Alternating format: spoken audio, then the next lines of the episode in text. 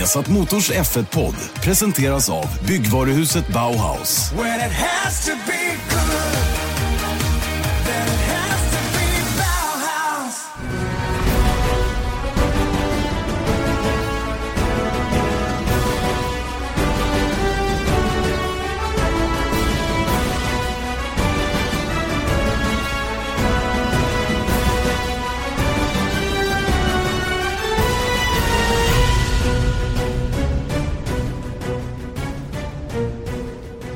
Hjärtligt välkomna till Viasat Motors Formel 1-podd. Janne Blomqvist, Erik Stenborg sitter laddade till tänderna här och eh, har ju eh, en hel del att tugga i sig den här, eh, den här veckans podd som alltså är den inför Singapores Grand Prix. Men med all respekt för ett av de roligare, häftigare racen på säsongen så är det ju kanske inte det som ådrar sig mest uppmärksamhet så här långt, eller vad säger du Erik? Nej, väldigt stora nyheter i veckan faktiskt. Ja, i alla fall eh, tror vi det. Mm. eh, många hoppas det också Allting kanske. talar för det. Ja, eh, i och med att det har kommit från det håll som det har kommit och på det sättet så har jag väldigt svårt att se eh, att det inte stämmer. Och det vi pratar om är förstås den här jätterokaden som, eh, som är på gång då i Formel 1 som faktiskt berör redan årets säsong. Vilket jag tycker är lite, lite förvånande att det får påverkan redan på, på de race som är kvar för i år att köra. Mm. Det trodde jag kanske inte skulle hända. Mm. Det övriga har jag varit eh, medveten om att det har pågått och att det var en tänkbar möjlighet. Eh, sen har det ändå varit ett, ett, ett, stort steg att få alla de här pusselbitarna att falla på plats. Mm. Eh, ska vi, om man tar det från början så är det ju att det handlar ju såklart om, i grunden så handlar det om McLaren och Honda. Var ska Ska McLaren sitta kvar med Honda ja, det kommande år eller ska de byta till en annan motortillverkare? Och det där har varit, jag menar, det var ju eh, hela vägen sedan Sauber var rykt ja, var nä väldigt nära på att ta Honda-motorer till 2018 som det här kom upp och nu så rann ju tiden ut runt Italien. Man vet att det snackades otroligt mycket nere på Monza om det här och eh, då i veckan så kom det väl egentligen först ut att Carlos Sainz Junior Toro skulle gå till Renault. Just det. Och sen så får det, ändå en massa, ja. får det ändå en massa följd, följdreaktioner då.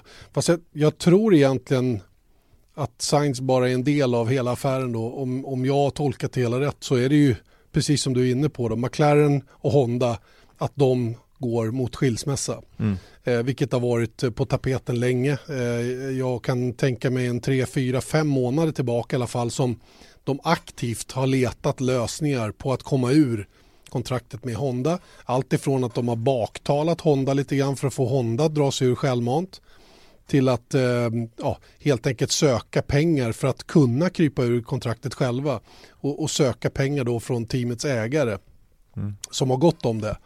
Så det tror jag i och för sig inte, men det är inte så säkert att de vill släppa till några mer pengar för den skull med tanke på den, eh, den satsning som ändå gjordes då mellan McLaren och Honda och vad det innebar rent ekonomiskt för teamet mm. att ta Honda ombord.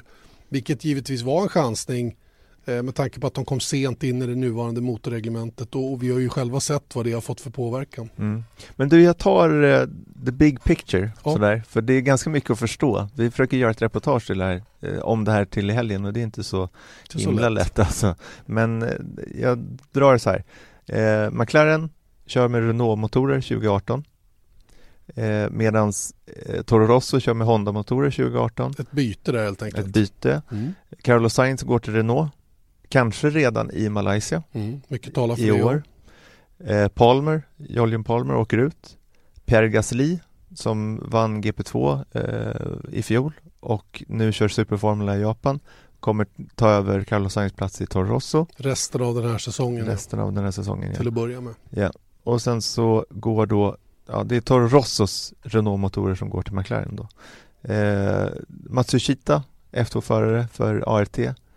Eh, till Toro Rosso 2018.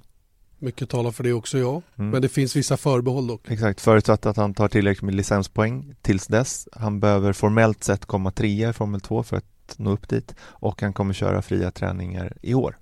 Det är the big picture. Just det, så är det. Eller och, faktagrunderna eller ja, vad man ska kalla det. eller vad vi ska kalla eller, det. inte ens fakta än då, men det kommer ju Allting sägs alltså det rapporteras ju om det här och ingen dementerar det heller. Nej, så det, har inte Gasly mer eller mindre sagt också att han får chansen från Malaysia? Jag tyckte han med, ja, lite ja. more or less bekräftade just, just det här då. Mm. Eh, och eh, om vi börjar med Renault då så, så eh, har ju Renault eh, de har ju haft tre team att leverera till. De har sagt att de inte är intresserade av att leverera till ett fjärde team. Mm. Det var nummer ett haken. Eh, nummer två, de har haft Carlos Sainz på önskelistan länge, högt upp på den önskelistan redan till den här säsongen. Gick bet, eh, men har fortfarande inte släppt tanken på att köra Sainz och, och ryktena runt Sainz till Renault har varit starka egentligen hela året och det kulminerade ju samma med Österrike där Red Bull fick nog och sa det att du, Carlos Sainz, är våran egendom, vi bestämmer hur din framtid ser ut, nu kniper du igen. Mm. Och eh, Carlos Sainz fick då backa tillbaka och säga att jag är glad. Jag pratade med honom så sent som i, i um, Italien. Och han sa att allting pekar mot att jag kör för Toro Rosso ett mm. fjärde år. Mm. Jag är mycket glad för att vara kvar. Eh, jag eh, har stort förtroende för att Red Bull vet vad som är det bästa för min karriär och så vidare och så vidare. Eh, idag vet vi att det var kanske inte korrekt. Eh, men han var tvungen att säga just de bitarna. Eh, det här innebär ju då att Renault var ju tvungna att avbryta kontraktet med Toro Rosso för motorleveranser för att frigöra en motor till McLaren. Mm.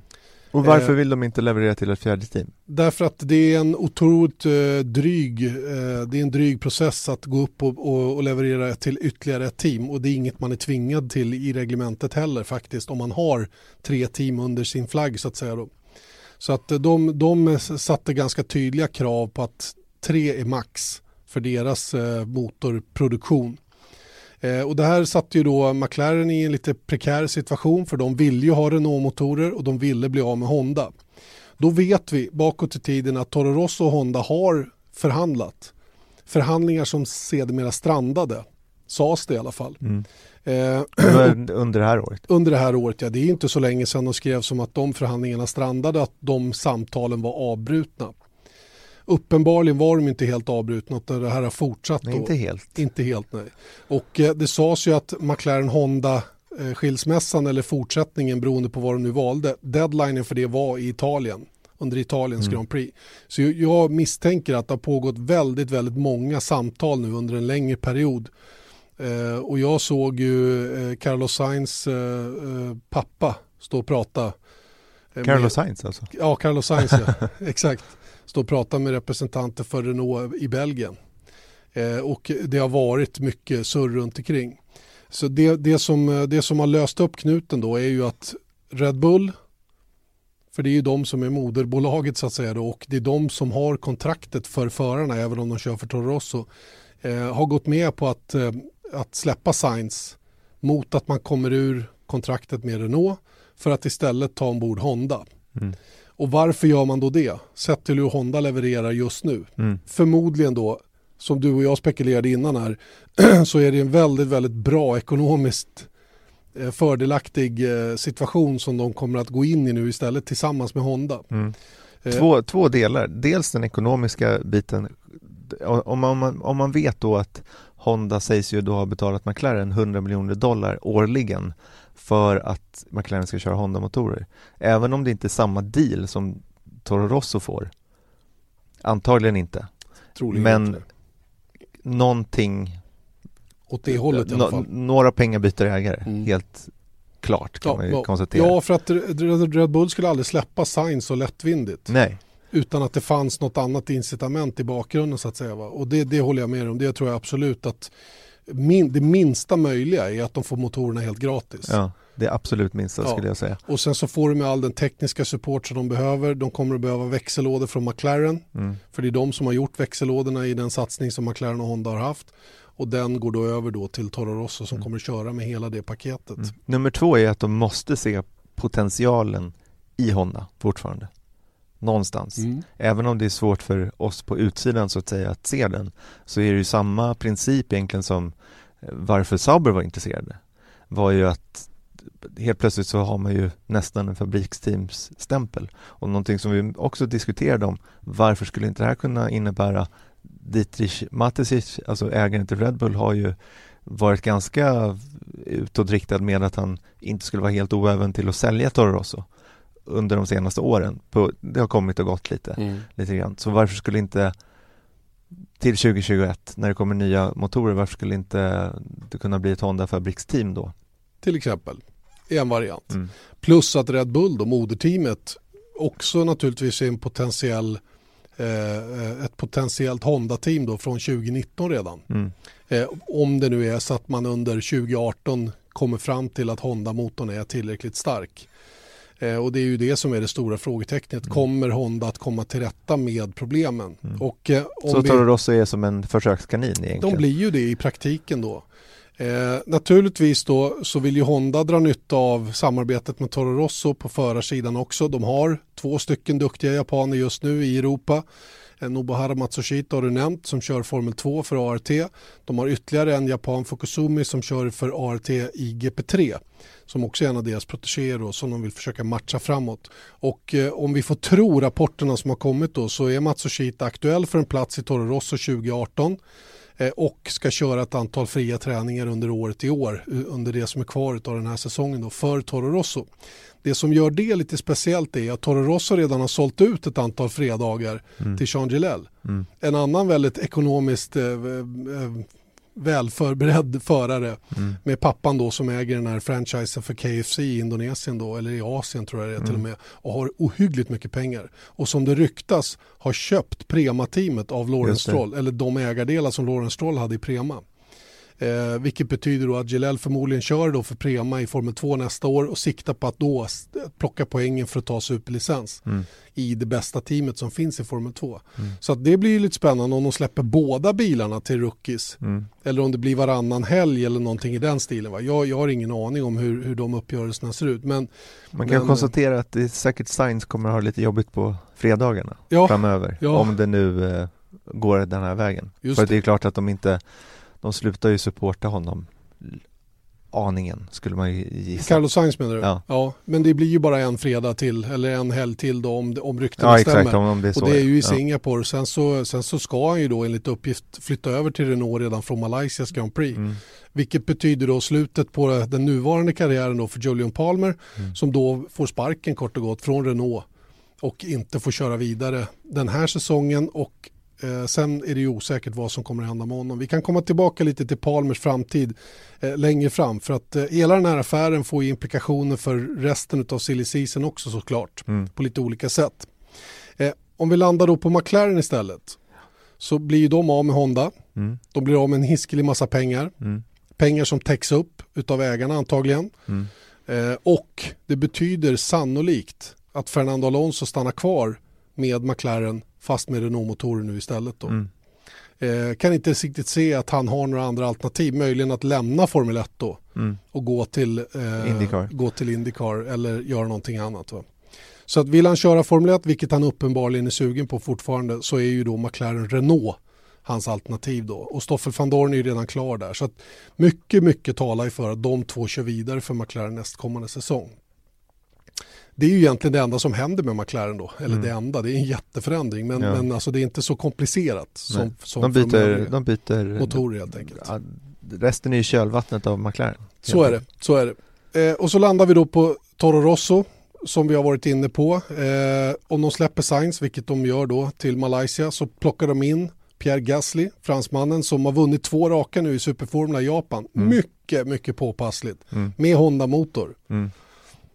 Eh, kommer, not bad. not bad at all. Eh, sånt som Helmut Marko gillar givetvis, mm. att hans förare går och vinner saker. Mm. Och låt oss sticka till att Felix Rosenqvist tagit tre raka pallplatser raka i, i den eh, mästerskapet och ligger trea. Trea i mästerskapet ja, och i allra högsta grad mer och Ichiura heter han som leder det mästerskapet på 30,5 mm. poäng just nu då. Så att Felix har fem upp tror jag. Mm. Och inte alls, eh, han, har, han kör den här uh, Sunoco Team Le Mans. Ja just det. Som inte alls är liksom skulle inte vara Borde något inte vara där uppe, nej, men, nej. så det är starkt alltså. Mycket, mycket bra. Eh, Toro Rosso då, Pierre Gasly, Daniel Kiat från Malaysia fram till slutet på säsongen. Sen är ju då det stora frågetecknet vad som händer inför 2018. Om vi nu eh, leker med tanken att Matsushita då på något sätt får sin superlicens. Jag tror att det här med poängen är visserligen viktigt, men nu pratar man om att göra om det här poängsystemet så att man mer eller mindre blir tvungen att åka Formel 2 för att få superlicenspoäng. Konstigt jag. Ja, kanske. Men oavsett det så, så, så tror jag man löser eh, licenspoäng för, för Matsushita om det är nu så att Honda vill att han ska köra Formel 1 nästa år. Så mm. viktig är Honda för Formel 1. Problemet just när de gjort den här förändringen av att det, det sägs då att du behöver 40 poäng licenspoäng för att få en superlicens och att då Formel 2 blir ett krav i praktiken. Om det första som händer är att de tummar på det, tummar på det ja, Ja. Hur ser Nej, det, det, är ut svårt. det är svårt politiskt, så är det. Men, men eh, där gäller det ju att välja mellan äpplen och päronen. Vilket vill man ha mest? Mm. Och jag gissar att Matsushita i Formel 1 är viktigt just nu. Mm. Eh, så att vi, vi, vi leker med tanken att han kör då den ena Toro Rosso-bilen då nästkommande säsong. Vem kör då den andra? Och det innebär ju att en sån som Pierre Gasly nu som får chansen att bevisa sig då i Formel 1 resten av den här säsongen eh, i alla fall från Malaysia, ska då ställas mot Daniel Kviat med hans erfarenhet, Kviat som till och med har varit uppe i moderteamet. Mm. Flyttats ner i Toro Rosso igen, haft en skral säsong i år. Kallats lite för torpeden. Mm. Fördel Gasly ja, att köra 2018. Men vilken chansning med Gasly och Matsushita i ett och samma team eh, under, under det här eh, teståret. Men samtidigt... Samt, ja, exakt, ja. Det, det, är just den grejen att i kanske ett eh, påbyggnad, alltså det är inte lätt att byta motor som det är. Och jag menar och kollar på hur Honda har mått, då kanske det är helt rätt mm. att ha två det, det bästa tillfället av, som man kan få att ha två rookies i ett team. Just. Och jag menar Kviat, han kan ju inte han har ingenstans att, att gå. Jag menar de, att han, hans möjligheter att komma upp i Red Bull, vilket delar syftet då för Toro Rosso, att ha dem där. Det är ju juniorteamet och poängen där att man ska utvecklas så pass att man kan utmana om en plats i stora Red Bull. Just.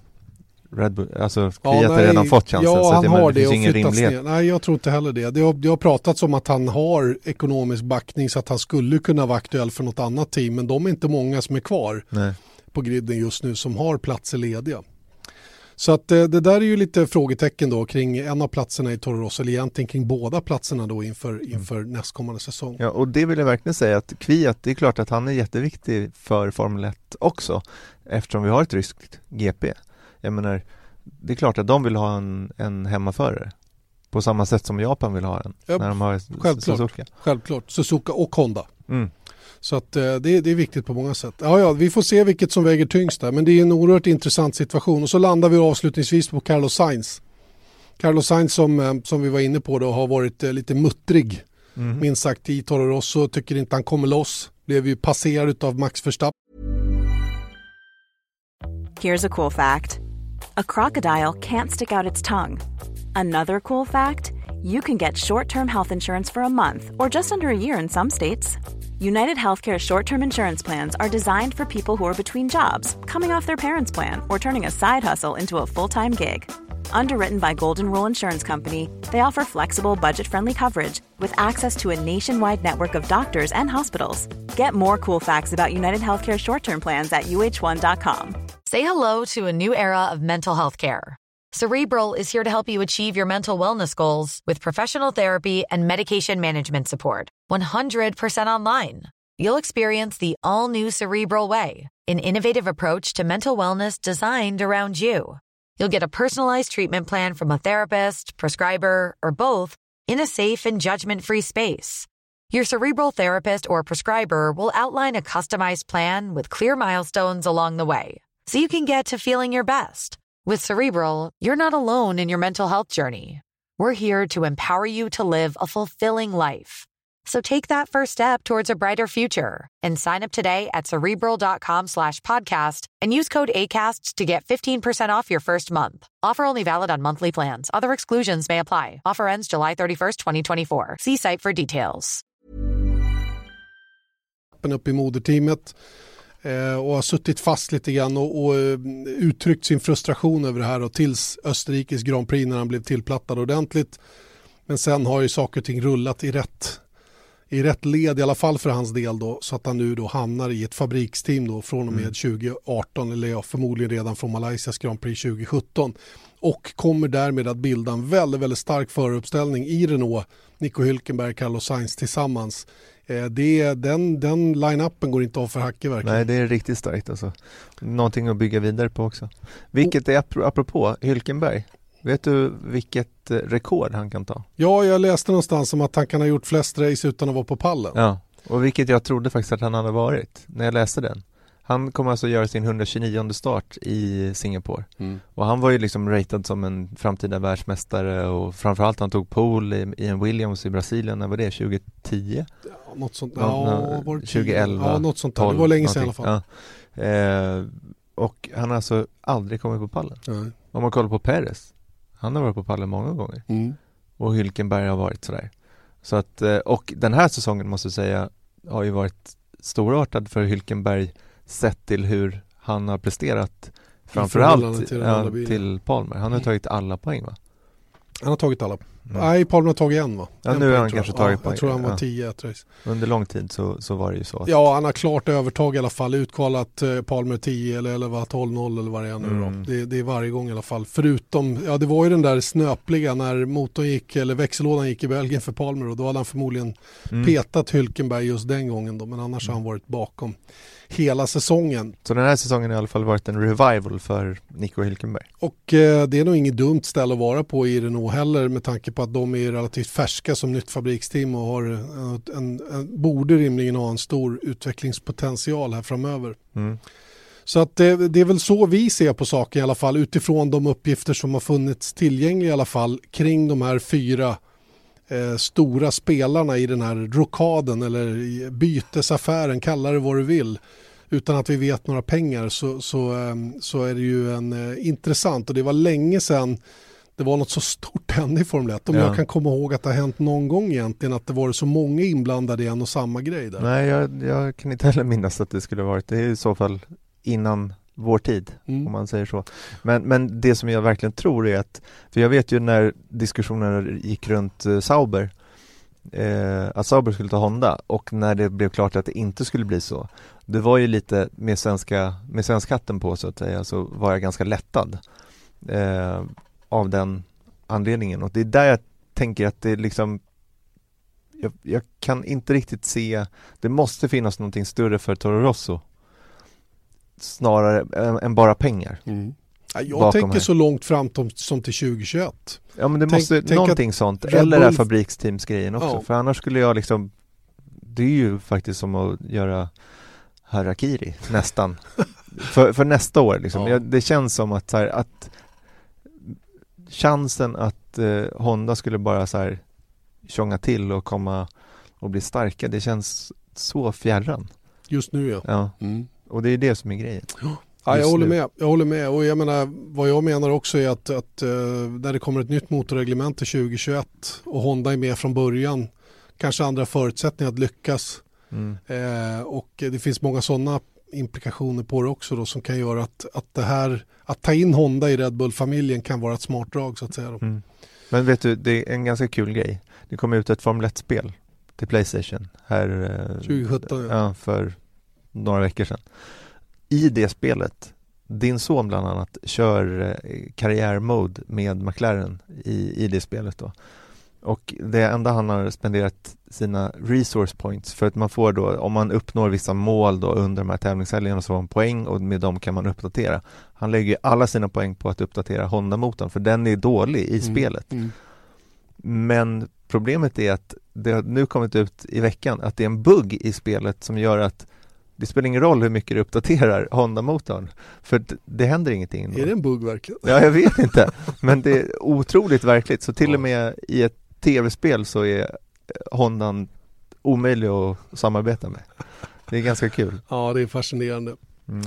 Eh, vad tycker vi om det här då? Alltså om vi lite så här, om vi får bara titta på det med våra, våra eh, Formel 1-intresserade ögon på hela den här situationen. Är det bra det som sker? Och... Alltså, nummer ett måste jag säga att det är otroligt bra långsiktigt att Honda är kvar.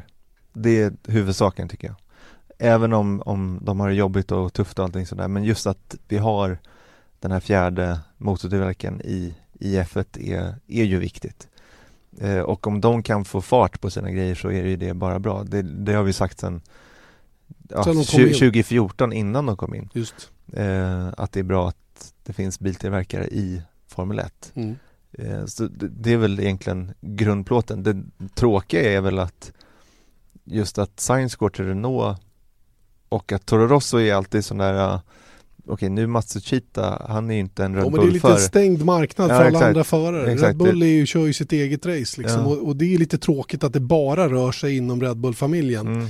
Vilket är, är, dåligt för alla andra som ja. vill att det ska hända saker så att säga på griden då. Exakt, för det spicar ju upp när det kommer lite liksom vet någon flyttar så blir den värsta rockaden långsiktigt. Nu blir det ju så att okej, okay, Science går till Renault Renault är fulla då kommer, eh, nu är vi inne på silly season, men, men Force India då kommer ju med största sannolikhet vara oförändrat. Och då är det inte många team kvar. Nej, det är inte det. Och Bottas kommer väl att få sätta pennan på pappret nu eller i alla fall bekräftas ja. officiellt eh, kanske redan den här helgen då i, i Singapore att han får köra vidare åtminstone mm. ett år. Kroken eller haken för Bottas är att hans management jagar ju ett flerårskontrakt. Och eh, frågan är hur, hur, Merca, hur benägna Merca är att, att låta honom få det. Mm. Eh, jag tycker de borde ge honom ett flerårskontrakt för det blir lite väl girigt om man ska ha det öppet inför 2019 också. Jag tror att med tanke på hur väl de två fungerar nu, Hamilton och Bottas i Mercedes, så borde det rimligen vara så att man vill fortsätta med den när det funkar bra, det är lugnt och stilla inom teamet, i alla fall just nu och alla de här bitarna. Att, eh, att eh, på något sätt få vilja ha ännu mer. Ja, jag tycker jag tycker Bottas har verkligen ja. förtjänat två år i alla fall. Minst sagt. Men jag vet att Merca är oerhört sugna på en sån som Verstappen som står och trampar mm. otåligt eh, och tycker att han eh, inte får de förutsättningar han vill ha hos Red Bull. Så att visst, han kan ju fortfarande... Och det där är en sån grej också, att om Verstappen knackar på dörren, alltså det, det kan ju till och med vara så att Mercedes behöver säga nej till Verstappen snarare än att de behöver ta honom mm. över.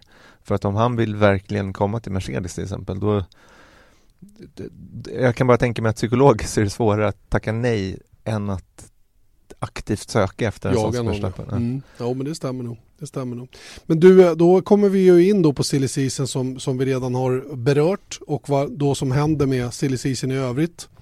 Där är i allra högsta grad... Janne, det är nästan lika varmt som i Singapore här inne. Ja, det är det. Jag har, försökt, jag har försökt att sänka, sänka temperaturen. Det kanske kommer lite ljud där, men det, ja, det får det gå. Inget. Det gör inget. Jag sätter mig och håller dörren öppen. Mm. Eh, som sagt, eh, vad händer då med silly season i övrigt? Där i allra högsta grad Marcus Eriksson är inblandad. Mm. Har ju inget bekräftat kontrakt för 2018. Jag vet att det finns en del svenskar som är tveksamma till om man får bli kvar i Formel 1 överhuvudtaget. Eh, jag, är inte, jag är inte lika orolig över den saken. Verkligen inte. Jag tror att eh, worst case scenario är att köra vidare för Sauber. Eh, men det finns lite alternativ. Och de här alternativen blir mer och mer sannolika för varje dag som går känns det som. Och då tänker jag framförallt på den återstående platsen i Williams som mm. vi tror finns. Mm. Att eh, Massa åker ut? Ja, att Felipe Massa då som har pratat väldigt väl om, om köra Formula E framöver och sådana saker och att han nu faktiskt får pensionera sig på riktigt ifrån Formel 1. Eh, vilket då skulle betyda att en plats skulle bli ledig då i Williams-teamet. Williams som i sin tur har Lance Stroll, väldigt ung förare och Martini-sponsring och vi kunde läsa från tysk media igår att både Force India och, eh, och Williams har åldersklausuler från sina sponsorer på förarna. Minst en av dem i alla fall. Mm. Som måste vara över 25 år. För att de ska kunna användas i marknadsföringen då i sina respektive sponsorship som de har då som innefattar alkoholhaltiga drycker. Mm. Eh, det gör att en sån som Pascal Wehrlein sitter lite risigt till för han är inte 25 ännu. Och eh, han skulle ju kunna vara aktuell för platsen i, i Williams mm. under förutsättning att Mercedes vill betala för honom ett år till. Eh, och eh, med tanke på det vi, vi fick reda på igår då, att det är den här åldersklausulen, eller fick reda på, det har vi vetat hela tiden, men att den är så pass stark. Mm. Lite mer bekräftat. Ja. Eh, betyder ju då att hans chanser att stanna kvar i Formel 1 överhuvudtaget är små. Mm. Väldigt, väldigt små. Mm. Och, och, du var inne på att Force India förmodligen förlänger då, eller vi har ju läst oss till att Sergio Perez och Force India mer eller mindre är helt överens om kontraktets utformning. Mm. Det är numera upp till Perez sponsorer att bestämma hur de ska göra. Mm. Och med tanke på hur bra... Paydriven Paydriven Perez, ja, exakt.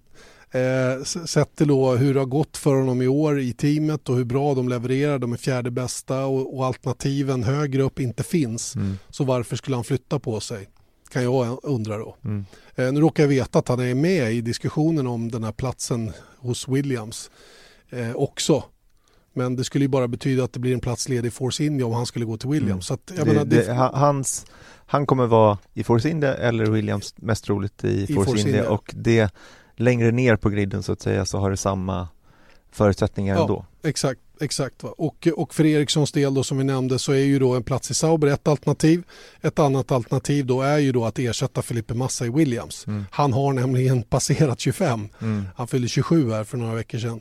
Så att han är hemma i det avseendet. Vi vet också att Marcus har en, en god ekonomisk support som skulle kunna vara eh, oerhört eh, välbehövlig för Williams. Mm. Och det är ju också en sån här grej att man har ju trott att med Strolls inblandning, Martini syns över hela bilen, Paddy Lowe kommer in och sånt där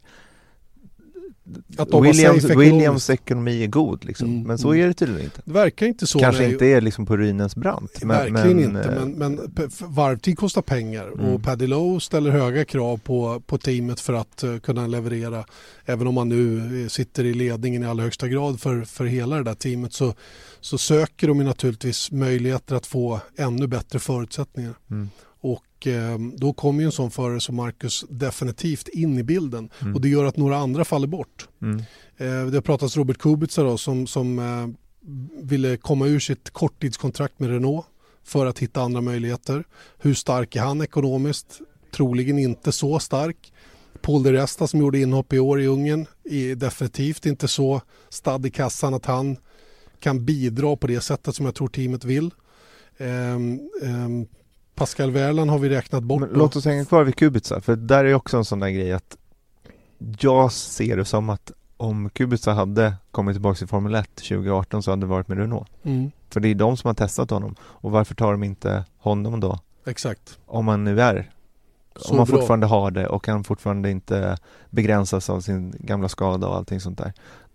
Jag tycker hans, eh, han föll nästan bort. I och med att han inte valdes av Renault. Ja. ja. Mm, det finns för många frågetecken runt omkring det. Det går ju rykten om att Sauber har kontaktats eller kontaktat mm. Sauber, eller Robert Kubica för, för körning nästa år och sådana saker. Va? Vilket jag också det har säkert fört samtal i, mm. i någon mån men inte mer än så. så det som ställer till det där är ju att Ferrari knackar på dörren hos Sauber för Exakt. att ha den här juniorteam-stämpeln. Exakt, och, och scenariot som jag gärna skulle vilja se då och som jag tror är möjligt även om det kan bli en dyr historia för Ferrari, tror jag, är ju att, att Eriksson flyttar på sig då, går till Williams och frigör därmed, om, om vi ponerar att Verlan också lämnar, vilket han gör mm. med 99,9% sannolikhet, två platser i Sauber.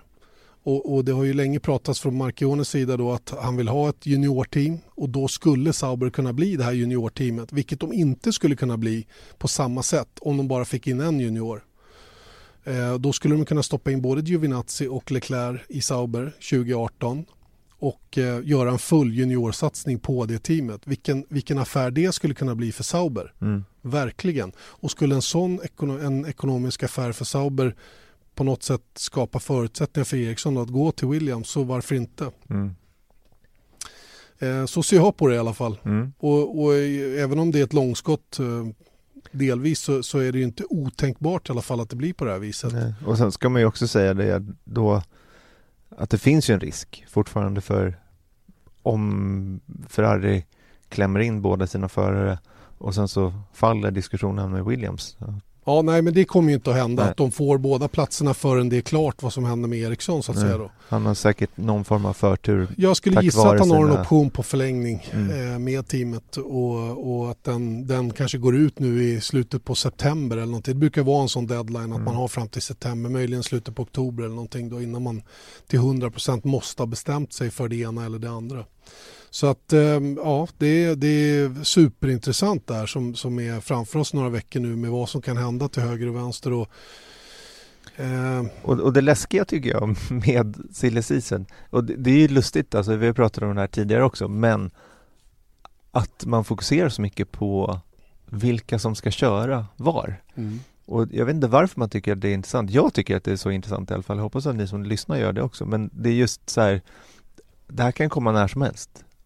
Och det är det som är det fina i en silly season diskussion tycker jag, att man bara så här, du vet varenda morgon när man öppnar datorn eller telefonen så då scannar man av för att det första jag tänker på på morgonen är nästan silly season. Mm.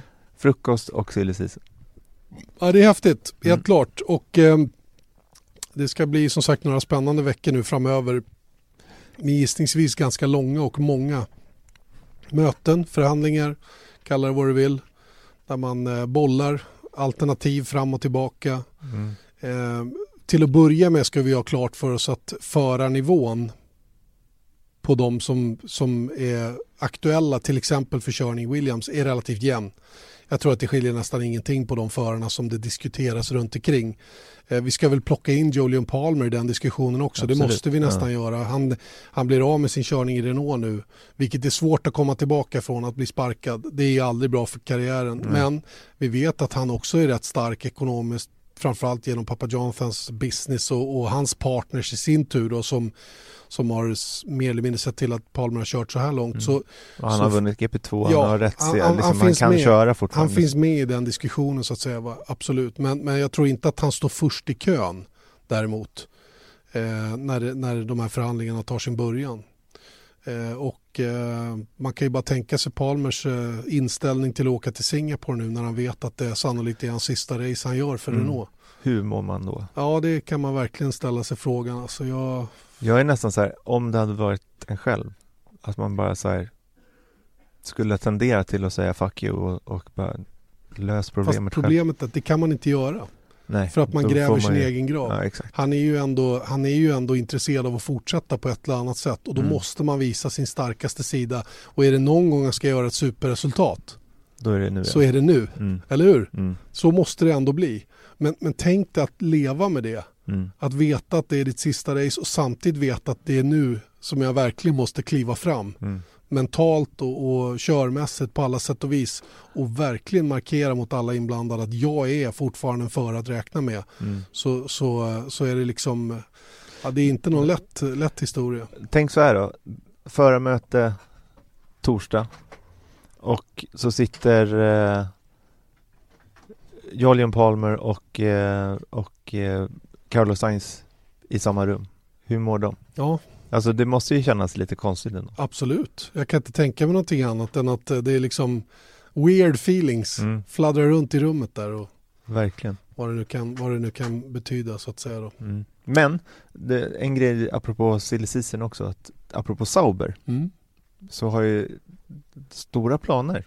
Ja, kan man absolut. konstatera. Så att, att om Ericsson är kvar i Sauber eller Ferrari-förarna, det är nog ingen dum plats att vara på även om inte man kom, alltså 2018, att man inte kanske kommer ta jättekliv till nästa år så är det ändå så att nu kom det ut i veckan också att de ska anställa 100 pers till nästa till, år. Till nästa år. Under, ja. Det är väl en process antar jag. Det är klart men, att de men inte uppemot 100 personer behöver man i organisationen då för att uh, liksom komma upp på en nivå där man kan utnyttja hela teamets potential och fabriken och, och, faciliteterna som man har då som vi ofta pratar om är väldigt goda men det är svårt att utnyttja dem till fullo om man inte har personal på alla platser och nu när ekonomin finns för det och kanske blir ännu mer förbättrad och beroende på vad som händer med samarbetet med Ferrari så, så är det ju, tror inte jag heller, någon, någon dålig plats att vara på framöver. Jörg Sander kommer att designa den nya bilen för första gången. Mm.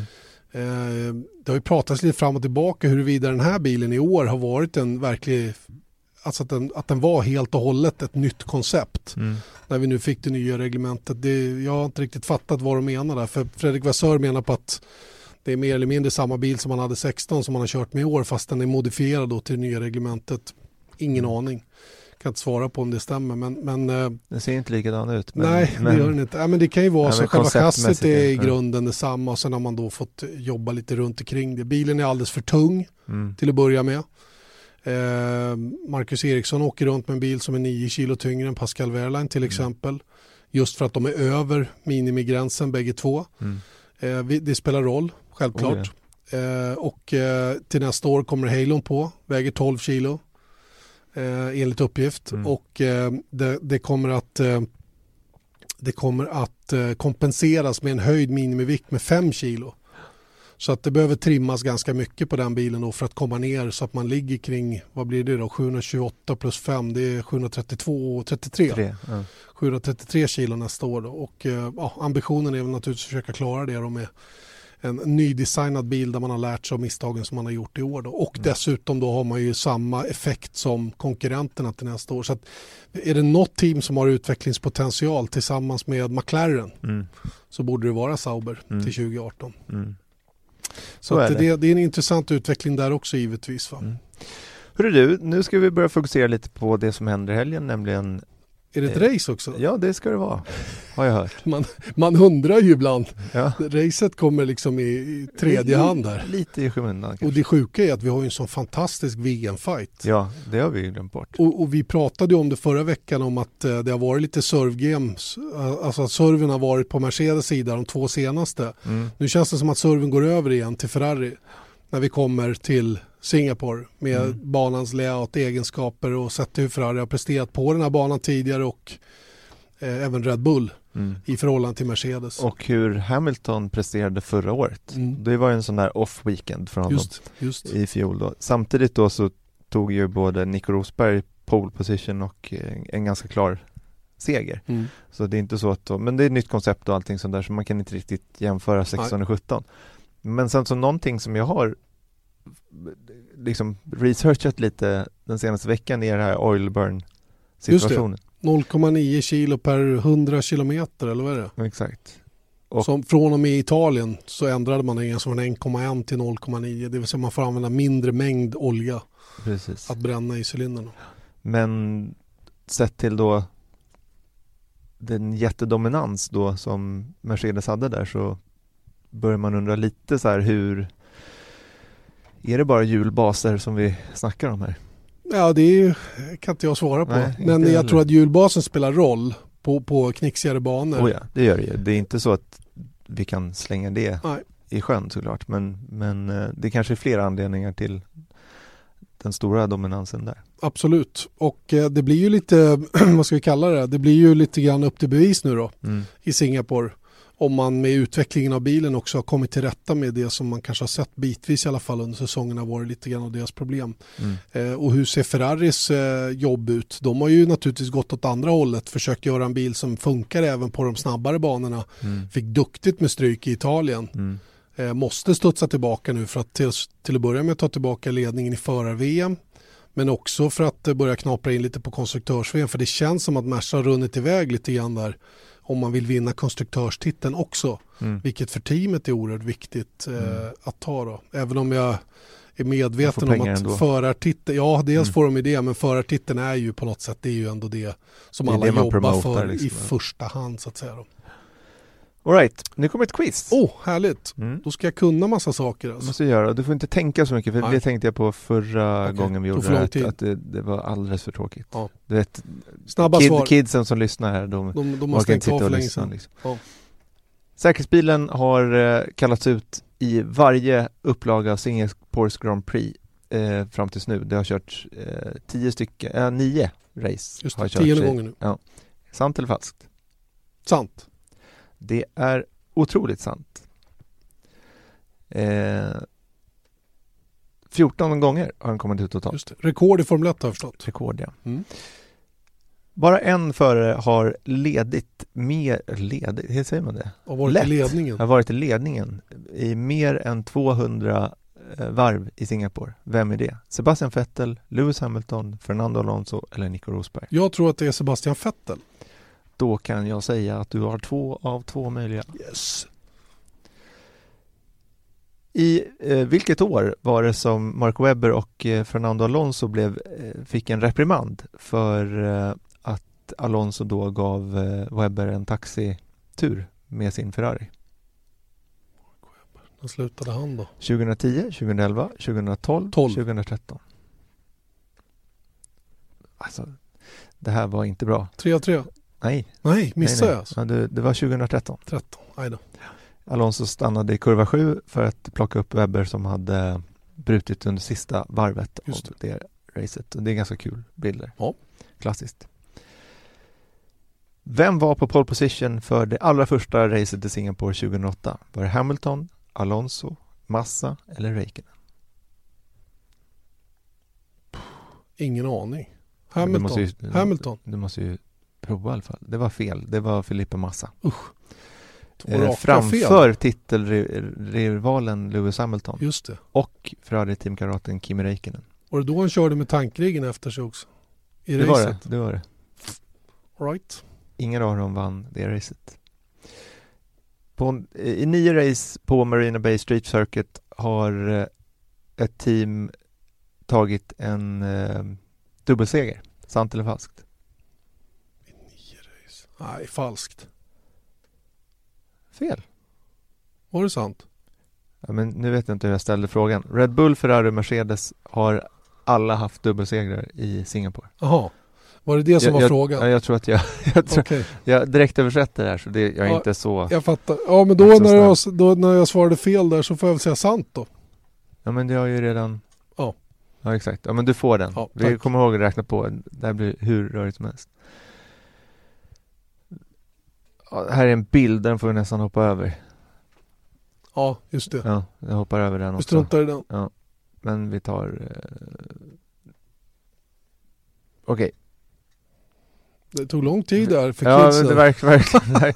vi gör inte det här mer. Men vilken eh, förare eh, bröt på eh, en startkrasch i förra årets eh, bröt i en startkrasch förra, för, året, förra i året Singapore. Singapore. Och det var alltså innan han nådde första kurvan. Valtteri Bottas, Felipe Massa, Esteban Ocon eller Nico Hülkenberg? Hülkenberg. For in i väggen där. Ja, du rätt. Det var eh, andra året i rad faktiskt. Just det. Som att han... Eh, Inte kom till första kurvan. Ja. Erik trycker för fullt där. Ja, vilket år fick Heikki Kovalainen stanna på start och målrakan för att släcka sin egen bil? 12 eller 13. Vilket år var det då? 12 säger jag då. Det var fel, det var 2010. 10? Mm. Var det så länge sedan? Det var i, i uh, Lotusen som det kallades då. Just det. Ja, då har vi... Nej, vad gjorde jag nu? Ja, jag hoppade över. Jag råkade klicka. Erik tryckte förbi en fråga. Nej, du. Vilken av de här eh, musikakterna har, har inte varit med på line-upen i, eh, i Singapore? Då har jag alltid lite konserter och sånt där just, i Singapore. Är det Pharrell Williams, Beyoncé, Katy Perry, Taylor Swift? Vilken av dem som inte har varit? Ja. Katy Perry? Det var fel. Det var Taylor Swift. Ja. Men Bästa kompisen till Katy Perry. Your score. Fem av tio. Nej, det var för dåligt. Men det var ju det jättekonstigt. Var ja, det här, vi gör inte det här igen. Nej, det var dåligt. Nåja, nu har vi gjort vår quiz i alla fall. Mm. Så att, eh, och den kan ni själva göra på f1.com. vi har i alla fall gjort den. ja, eller hur? Eller hur? Det är ungefär det enda vi kan säga om det. Du, um, finns det något mer tillägg inför helgen? Det är ju ett speciellt race. Mm. Det, det, kan vi ju säga. Um, 23 kurvor, det längsta racet för säsongen. Ofta upp mot två timmar. Mm. Som vi har sagt, massor med gånger med säkerhetsbil. Minst en gång. Um, som påverkar. Uh, och eh, vad kan man säga mer om Singapore? Jag har ju varit där några gånger och jag måste säga att det är ett, det är ett häftigt ställe att vara på. Och det, vet du, det intressanta är när man är där och man går ut på banan, man har ingen aning om var man befinner sig. Mm. Jag kan liksom inte se när jag kommer ut på banan i vilken kurva jag är. För allting ser likadant ut. Mm. Eh, det är, som alltid på stadsbanor så är ju barriären, man ser aldrig igenom kurvorna så att säga. Och det är ju en svårighet med stadsbanor rent generellt. Mm. Att man aldrig kan se in i nästa sväng. Eh, och och det, det, är, det är stört omöjligt att veta på vilken plats på banan man är när man kliver ut på den så att säga. Och det gör ju lite också det där att det är mörkt runt omkring. Alltså även om det är Ryssland till exempel då, då har du ju liksom lite arenor och sånt där i bakgrunden som liksom landmärken. Ja, precis. Men nu när du har det är mörkt och det är strålkastare rakt i ögonen överallt då blir det ju ja, det lite extra lika. svårt. Du får liksom ingen Inga referenser, referenser utanför ja, man, man, kan den här bron. Eh, eh, ja, tunneln de, liksom under... Del, dels ja, just det, kurva 10 så, vad heter den då? Eh, bron, jag kommer inte ihåg vad den heter nu, men det är ju precis innan kurva 13 där man viker ut och så är det en längre raksträcka. Där, där kan jag känna igen mig så att säga. I kurva 10 där det var den där konstiga chikanen som många flög över och mm. hoppade in i muren på utsidan som sen togs bort. Eh, som behövdes för att det går så fort innan. Och det finns liksom ingen avåkningszon. Men man justerade till det där lite grann så det är bättre nu. Va? Där, där kan jag också känna igen mig. Och sen när man går in under läktaren där 18, 19, 20, 21. Fyra, fyra kurvor där ehm, ja, man går in under läktaren, bakom mm. läktaren så kommer mm. man ut och sen har man de två sista svängarna när man kommer ut på start och målrakan igen. Det kan jag också känna igen. Jag vet att hytterna är väldigt små. Mm. Otroligt små. Man sitter precis i början av depåinfarten mm. på insidan. Det är faktiskt så att man får ju frågan varenda år eftersom man inte ser riktigt vilka det är som åker in i depå. Mm. Du ser inte depå, Nej. Eh, alltså, Infarten. Ja, du, ja, ser inte, du, du, ser inte depån. Nej, nej, nej. Man ser eh, inte garage. Så då får man en sån här övervakningskamera så att man i alla fall kan hålla koll på depån. Så det första vi gör är att koppla ur den. Ja, för att den tar för mycket den tar plats. för mycket plats. Ja. Och det är så jäkla trångt där inne. Mm. Och sen vill man ju sitta där inne hela tiden för det är så sagolikt varmt. Mm. Och där inne i hytten är det ju alltid svalt och skönt. Asen går och man vill liksom inte vara utanför mer än nödvändigt. Mm. Det är ett väldigt, väldigt speciellt ställe Singapore. Alltså det, det...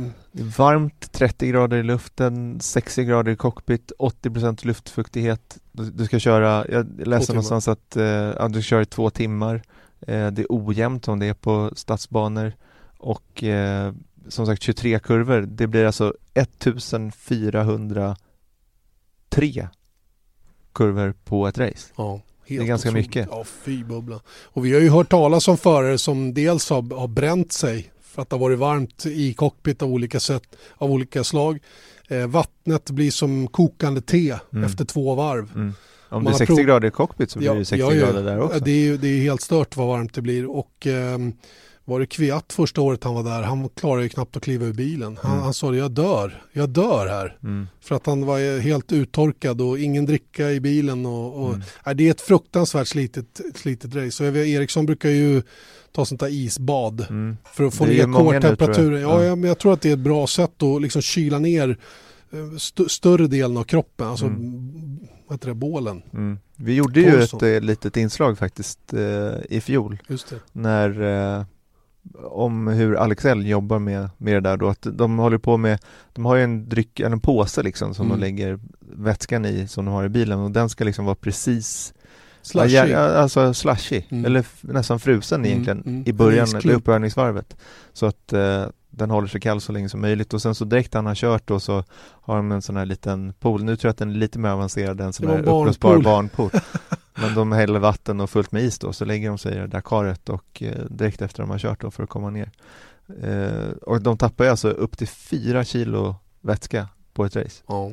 Det är, ja, liksom, det är tufft. Eh, det är tufft. Det är inte svårt att förstå om man gör misstag Nej. med de förutsättningarna på Nej. en sån här bana dessutom. Eller inte orka hålla fart snarare. Mm. För man, det är ju som jag brukar säga, det är en självbevarelsedrift man åker långsammare och man känner att man inte klarar av det till 100%. Det är mindre sannolikt kanske att man åker för fort och, och gör ett misstag och kraschar. Det händer också men det blir mer att man backar av. Mm. Man klarar inte att hålla det tempot som man vill hålla för att ja, man, man orkar helt Nej, Man hänger, hänger inte med hjärnan. Och jag vet Daniel Ricciardo sa ju där med att dricka vattnet att det, det, han brände sig på det. Mm när han försökte dricka. Så det var ju bara att sluta ja. på en gång. Då är det varmt alltså, riktigt, riktigt varmt. Och jag kommer ihåg eh, faktiskt första året han, eh, Marcus Eriksson körde, så var ju cateran-bilen så otroligt tung. Den var väl 20 kilo över eller någonting typ. sånt där. Och då, då hade han bestämt sig eh, för att inte köra med vatten. För att spara ett, ett kilo mm, liksom vikt också. eller vad det var. Sen tror jag att han gjorde det ändå. Ja, för det, det var inte det var, de runt omkring var inte nöjda med nej, det beslutet. Nej. nej. men det säger också lite så här competitiveness-grejer, men just att då när man på cooldown-varvet efter målflagg, det är tydligen det värsta liksom som Marcus Eriksson förklarade för mig då var att liksom, då är det full panik alltså för att komma ut. Man vill liksom, mm. det är klaustrofobiskt liksom, för jag kan tänka mig att när man kör det, det, tycker jag man märker liksom bara när man kör hyrkart ibland, liksom att det är inte jobbigt när man väl kör men det är först när du slutar mm. åka, då blir det mycket tyngre helt plötsligt och Det, det är ett jättedåligt exempel men man kan ju tänka sig hur det är i F1. Liksom. Absolut, absolut. Och sen är ju det avslutningsvis då det konstiga med att äta middag klockan fyra på morgnarna. Mm. Det är ju otroligt märkligt eftersom vi lever i Europatid när man är där så blir det ju att man försöker hitta något kök som är öppet åtminstone fram till klockan två. Mm. Eh, för att sen gå och lägga sig vid fem. Mm. Och sen sova sina åtta timmar och sen gå upp Eh, och sen gå till banan. Jag har jättesvårt för det där men eh, ja, många klarar det. Det är mm. sällan man har jobbat färdigt före ett, halv två på natten. Mm. Eh, och eh, det blir väldigt speciellt dygn den här perioden man är i Singapore och de allra flesta lever ju, eller försöker leva Europatid hela tiden. Mm. Jag såg Carlos Sainz att för övrigt och cyklade i bastun mm. hemma, 50 grader. Ja, satt han på träningscykeln med musik på högsta volym och, och satt och förberedde sig inför, inför Singapores Grand Prix och även Malaysia för det är precis samma. Det är nästan värre i Malaysia. Ja, även om banan är lättare men... att köra så är det ju solen som gassar så fruktansvärt där också. Mm. Så det är två tuffa race framför gubbarna nu. Verkligen. Det är bra att de har det efter varandra. Just det. Ska vi tippa lite innan vi stänger butiken? Eh, Hur länge har vi ja, på egentligen? Just det. Oj, inte så länge ändå. Nej, inte så länge. Men ja, vi har lyssnarfrågan först. Det har vi faktiskt också, men det jag vill bara avsluta med runt när vi pratar Singapore är att det är en förare som är lite extra, har extra bra CV i Singapore. Börjar hans efternamn på V? Ja, mm. det gör det. Och det är Sebastian Vettel. Och det talar ju för saker och ting, även om vet, förutsättningar och sen allt ändras. Så jag menar, mycket av det här som jag kommer räkna upp nu händer ju med eh, Red Bull. Men han har alltså vunnit eh, fyra gånger i Singapore eh, och två andra platser. Och det är alltså av han körde inte ens Jo, ja, han körde 2008, han, körde han var med första året, så han har varit med varje så, år. Så att han har alltså varit på podiet sex gånger av nio. Ja. Det är ganska bra. Mm. Och han har aldrig slutat utanför topp fem också bra. Och eh, han är faktiskt den enda föraren som har eh, kört varenda varv i Singapore. Oj. Så ja, han har aldrig, brutit. Det är imponerande. Det är bra också. Och faktiskt har Ferrari aldrig haft ett, en bruten tävling i eh, Singapore på nio år. Det är bra också. Mm. Med tanke så... på att Filippe Massa körde med tankriggen efter Ja men precis, det är väl bra. Ja. Extra bra. Verkligen. Ja kul. Singapores Grand Prix kommande helg alltså på Europatider. Ja. More or less i alla fall. Eh, ska vi väl säga. Eh, just det, lyssna fråga. Vi hade ingen förra veckan. Vi var så väldigt, väldigt långa ändå med, med Dieter Enken-intervjun och allt det där vi hade. Så att eh, vi klämmer in en lyssnarfråga idag istället och den lyder så här. Hej Jan och Erik. Eh, tänker att det skulle genomföras ett F1 Race of the Century för att en gång för alla slå fast vilken era av F1-bilar som är den snabbaste. 22 eh, världsmästarbilar från olika år tävlar mot varandra enligt sina egna reglementen avseende däck, tankning och så vidare. Eh, vilka bilar skulle ni vilja se och vilken tror ni skulle vinna? Ja, Lars tackar vi speciellt för när det gäller den frågan då som är lite speciell mm. och den går inte att svara på framförallt. Nej. Men den går att prata runt omkring. Mm. Det kommer inte hända. Det kommer inte att hända nej, det är nummer ett. Mm. Eh, skulle vi vilja se ett sånt race är nummer två. Jo, oh ja. Det skulle du. Det hade varit jättekul. Alla 22 stycken VM-vinnande bilar mot varandra körandes i respektive, med respektive reglemente mm. angående tankning, däck, utformning på bilar och hela den grejen. Mm. Och eh, avslutningsvis undrar jag vilka skulle köra då? Skulle det vara världsmästarna då respektive år som skulle köra respektive bil då? Jag tror att eh, till exempel typ Jody Scheckter 1979 års mm. världsmästare skulle ha lite jobbigt att ställa sig mot Lewis Hamilton.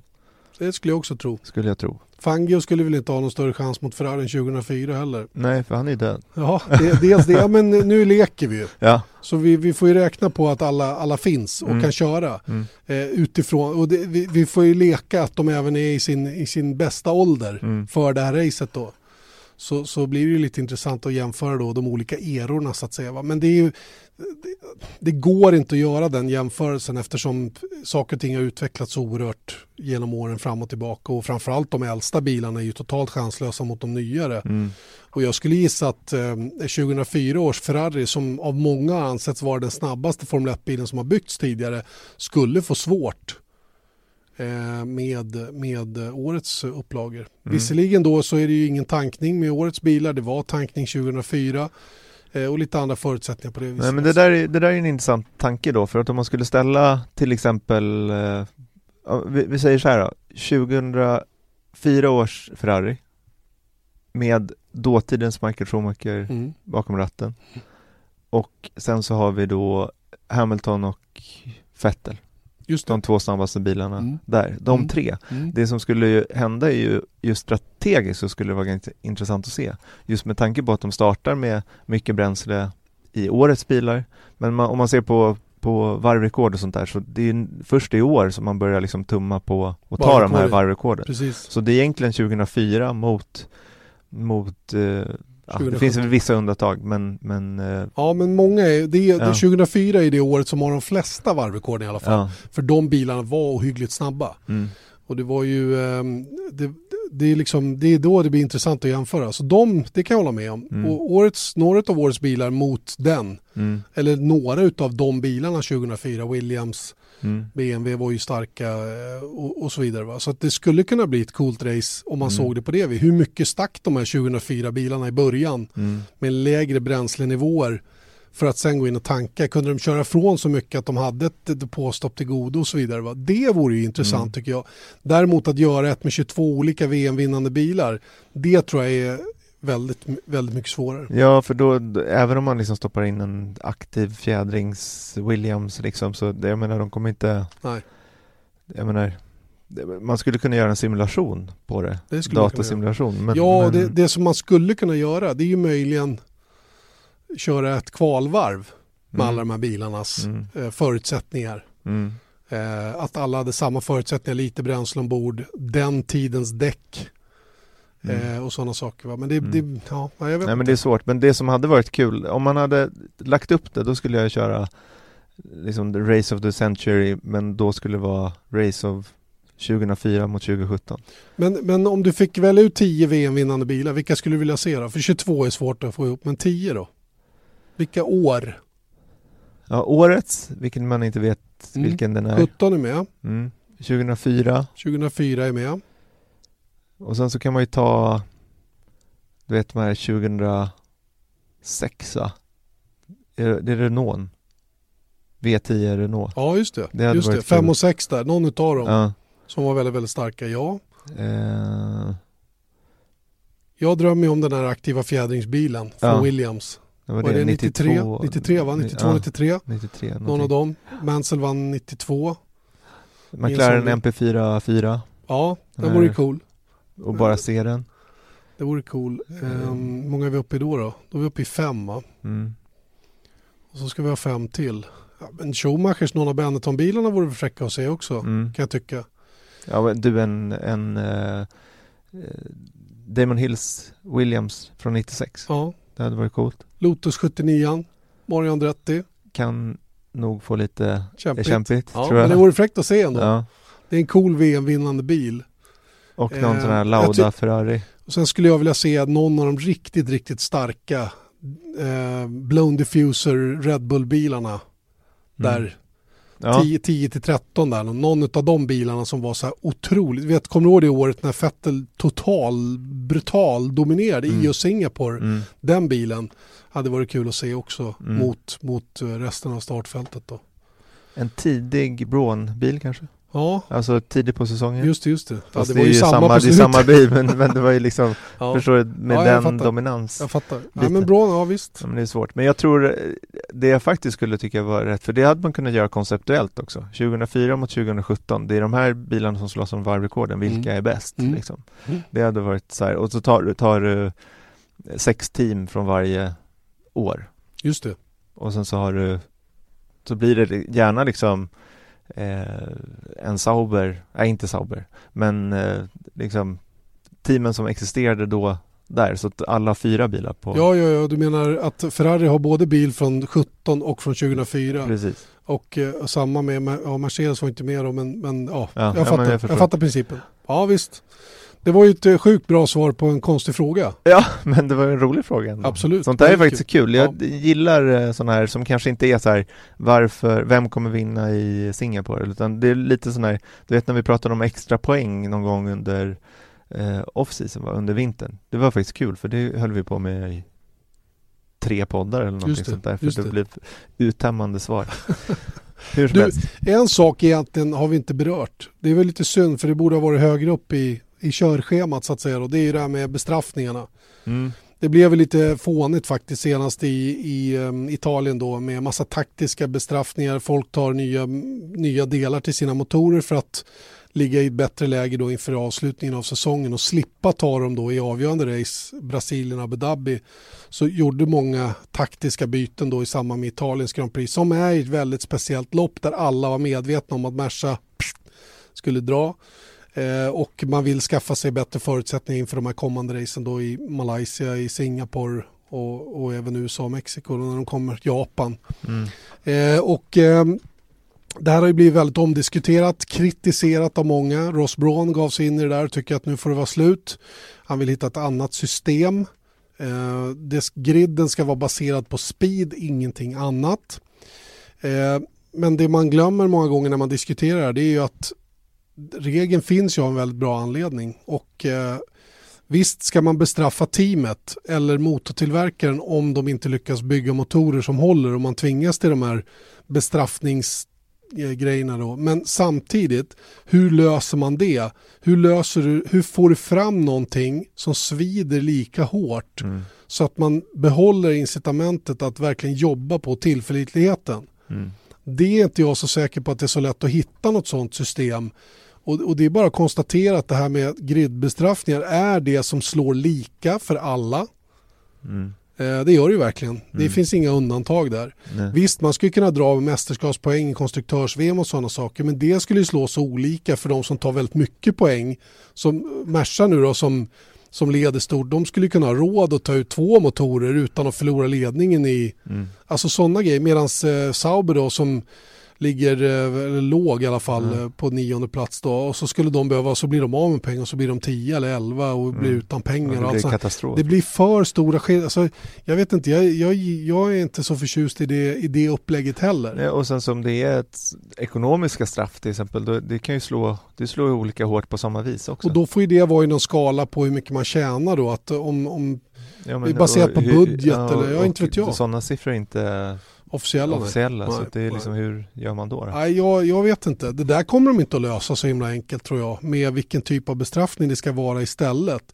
Jag är medveten om problematiken och, och jag kan ju tycka att det här man, det är ju motortillverkarna som ska skärpa sig snarare än att vi ska ändra reglerna. Mm.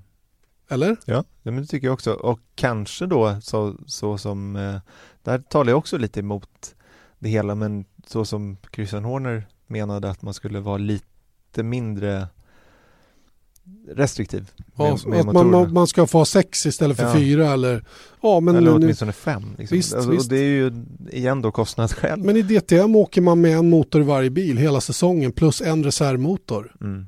Och det går ju alldeles utmärkt så vitt jag vet. Mm. Det är väldigt sällan vi hör någonting om några bestraffningar för motorbyten där. Det går ju att bygga motorer mm. som håller. Mm. Men i jakten på, jag tror att det blev det har nog blivit lite värre i år med anledning av att man släppte reglementet fritt också. Och har gjort att man har utvecklat massor med grejer på bilarna för att göra motorerna bättre. De har blivit så oerhört viktiga, motorerna, rent prestandamässigt, att man tar vissa chanser. Och då har det kostat tillförlitlighet så att säga då, och därmed gridbestraffningar då i vissa race. Det som är tråkigt om det inträffar det är att VM avgörs på en sån grej. Mm. Och det finns ju en väldigt, väldigt stor risk för det i och med att ju längre in i säsongen vi kommer, ju närmare en motorbestraffning kommer ju alla. Mm. Med tanke på att varje motor ska hålla då fem race, mm. är ju tanken. För att klara en hel säsong då. Nästa år har vi en, en, en motor mindre än då. Då är det tre motorer på 21 race. Då ska de alltså hålla sju race. Mm. För att man ska hålla sig till den cykel som är uppgjord då. Mm. Cykel heter kanske. Svårt. Ja. Ska se vad de kommer fram till helt ja, enkelt. Ja. Braun har en svår nöt att knäcka kort och gott. Verkligen. Tips. Nu tippar vi. Ja. Jag tippar... Ähm, jag, tipp... var, jag vill bara uppmärksamma dig på att du har nollat i ja, två racer Jag vet, jag vet. Men den här gången tippar jag Fettel som pole. Nej, jag tippar Hamilton i pole, Fettel vinnare och jag tippar Fettel fastest lap. Vet du att jag hade redan skrivit det här innan då Oh. Och eh, vi har nästan exakt samma tips. Oh. Men jag tog Hamilton i pole, Vettel som vinnare och Verstappen. Verstappen fastest okej. Okay. Ja, för han kommer varje igen. Oh, ja. Och ville visa Bomba på lite. Precis. Om man kommer i mål ja. Så kan man se det. Bastan kan hinna göra ett snabbaste varv i alla fall mm. innan dess. Men då, du vet, du har små chanser att gå om här. Jag vet. Jag vet. Eh, I och med att jag leder med 12-10. Och att vi nästan tippar lika. Mm. Så att, eh, ja, det här ser kämpigt ut. Men så kan det gå. Men så. det är också sådär, man får safea upp lite i min position också. Jag får inte vara för satsig nu. Nej men självklart inte, du leder ju. Exakt. Då kan man inte vara, då får ju magen hålla sig lite lugn. Precis. Så är det med det. Vi tackar därmed för oss. Häng med oss under helgen från Singapores Grand Prix. När börjar vi egentligen på fredag? Har du koll på det? Kolla på internet och eh, medan ni gör det så kan vi även meddela att ni fortfarande kan skicka in... Eh, Just det. Vi har ju eh, våran biltävling, Team F1-podden. Ja. Det har Precis. vi inte ens pratat om. Nej, men det är många som vill köra med oss ja, i Team F1-podden. Det, märks. det är alltså 5 oktober på Gelleråsbanan i Karlskoga där eh, jag och Janne kommer ställa upp i Team F1-podden i ett tre timmars race med eh, en Volvo C30. Vi söker nu efter en tredje teammedlem och eh, för att få möjligheten att göra det här så vill, ni, vill vi att ni svarar på en fråga och det är vilken Lennart Bolin som han, driver som driver Bolin Racing som driver den här verksamheten på Gelleråsbanan. Han är den enda svenska föraren inom bilsport som har blivit världsmästare. Vilken typ av racing, alltså mm. inte vilken klass, ingen specifik klass, utan vilken typ av racing körde han för att bli världsmästare? Just det. det den ska ni svara på och sen ska ni motivera med hundra ord varför vi ska välja er som teamkamrat. Max hundra ord. Max 100 Man får ord. göra det på 85 också. Exakt. Ja. Men det ska och, vara en bra motivering. Ja, det måste det vara. Eh, och eh, ni skickar sen in det här som ett meddelande till F1-poddens Facebook-sida, alltså www.facebook.com F1-podden. Och det gör ni innan ja, söndag. Innan söndag, ja. Mm. Eh, söndag klockan 22. 20.00, eller 22, efter 22. racet. Ja, efter racet. Mm. Och sen så meddelar vi vem som har den stora äran att tävla med de här stora männen som är du och jag. Exakt. Eh, på måndagen. Ja, exakt. En större än den andra. Exakt. Den 5 oktober. 5 oktober. Vi eh, tycker att det får eh, bli ett eh, bra avslut på denna F1-podd som alltså är inför Singapores Grand Prix. Eh, kör gärna lite diskussioner också på vår Facebook-sida vad ni tycker om vad vi har pratat om, vad ni tycker själva. Det är vi helt öppna för så länge det sker i god ton. Annars kan det vara. Precis. Vi hörs om en vecka igen. Ha det, det gott. Hej då! Hej, hej, hej, hej. Vesat Motors F1-podd presenterades av byggvaruhuset Bauhaus.